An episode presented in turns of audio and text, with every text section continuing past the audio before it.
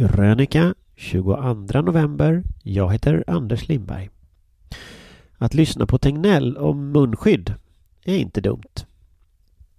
Kinas auktoritära tänkande verkar smitta debatten. Sverige är en upprorisk skara. Citat.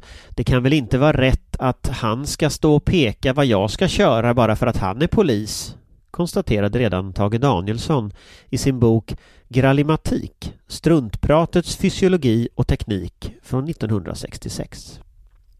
Sålunda cirkulerade i veckan en bild på moderatledaren utan munskydd där han frågade statsministern om inte krav på munskydd borde införas. Citat.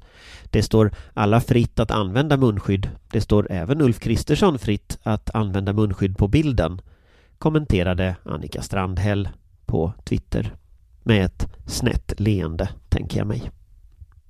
Men egentligen är det logiskt. Det finns ju inget krav på munskydd.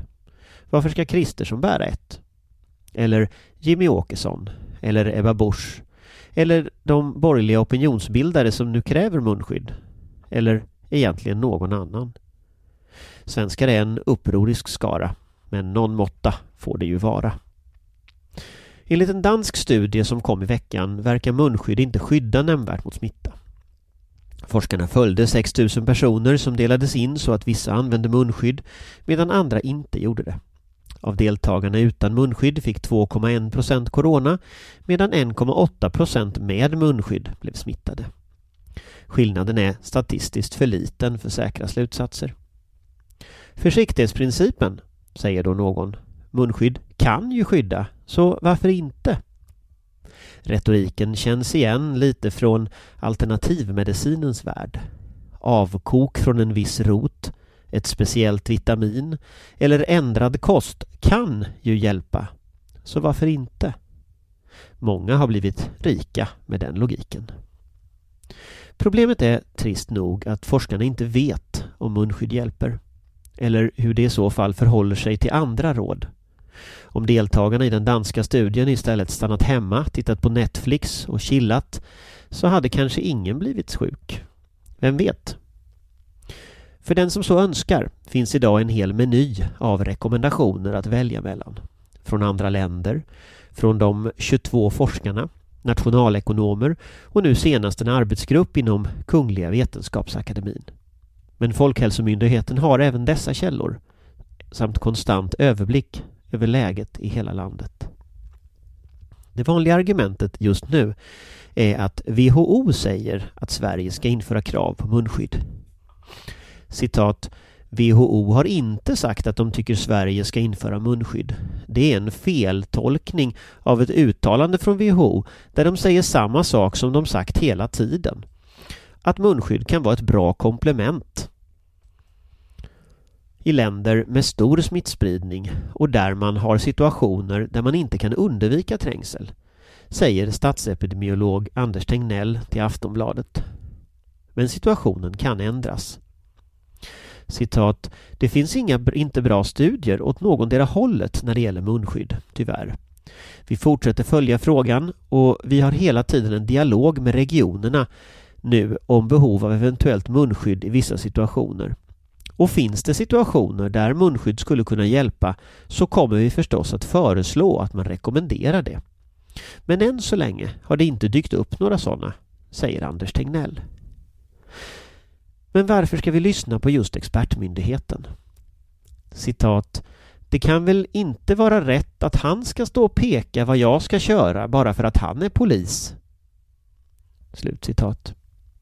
Mitt svar är att vi ska lyssna på Anders Tegnell av samma skäl som vi lyssnar på vår läkare på vårdcentralen. Eftersom vi inte själva vet. Självklart kan vi googla innan vi går dit. Vi kan läsa på nätet och i diskussionsgrupper om vilka sjukdomar vi eller barnen kan ha och hur dessa brukar behandlas. Men läkaren vi träffar är en större auktoritet på hälsa än vi är. Google till trots. Situationen är lite ovan. Vi brukar få som vi vill och vårt samhälle betonar vår valfrihet i relation till skola, vård och myndigheter. Därför kräver många antibiotika på vårdcentralen och väljer en annan läkare om de får nej. Så kan det inte fungera under en pandemi.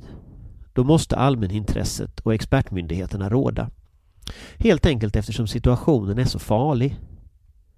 Vi kan bråka efteråt om det var rätt att minska till åtta personer, slopa det vanliga julfirandet eller undvika alla resor. Åtgärder som har dramatiska konsekvenser för både människor och företag. Men just nu måste alla ta ansvar och göra sitt bästa för att följa de rekommendationer som gäller.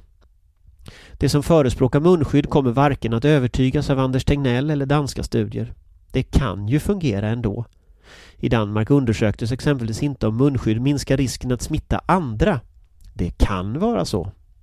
Det står, som Annika Strandhäll påpekar, var och en fritt att bära munskydd om den vill. Men om statens makt ska användas för att tvinga eller övertyga alla att bära munskydd så måste vi faktiskt veta att det fungerar. Ibland undrar jag om debatten varit annorlunda om inte viruset börjat i Kina. Där använder regeringen lockdown och extremt repressiva åtgärder för att få stopp på det. Som kommunistpartiet alltid gör oavsett problem. När viruset spreds verkar den frikostiga kinesiska synen på auktoritära metoder också smitta. Över hela världen blev svaret repression, tvång och hårda tag. Kina blev förebild också i fria länder. Men har det fungerat? Ärligt talat inte särskilt bra.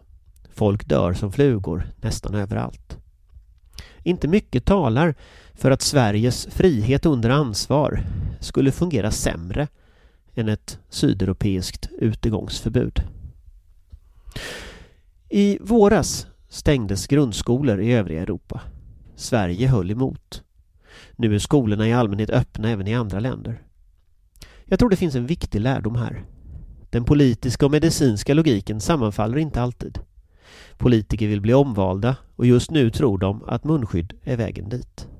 Imorgon kan det vara något annat. Jag tror därför inte det är så dumt att lyssna på Anders Tegnell istället. Av samma skäl som jag tror att det är klokt att låta polisen dirigera trafiken. Om expertmyndigheten säger åt mig att bära munskydd så gör jag det. Sen får politiker och övriga tyckare säga vad de vill.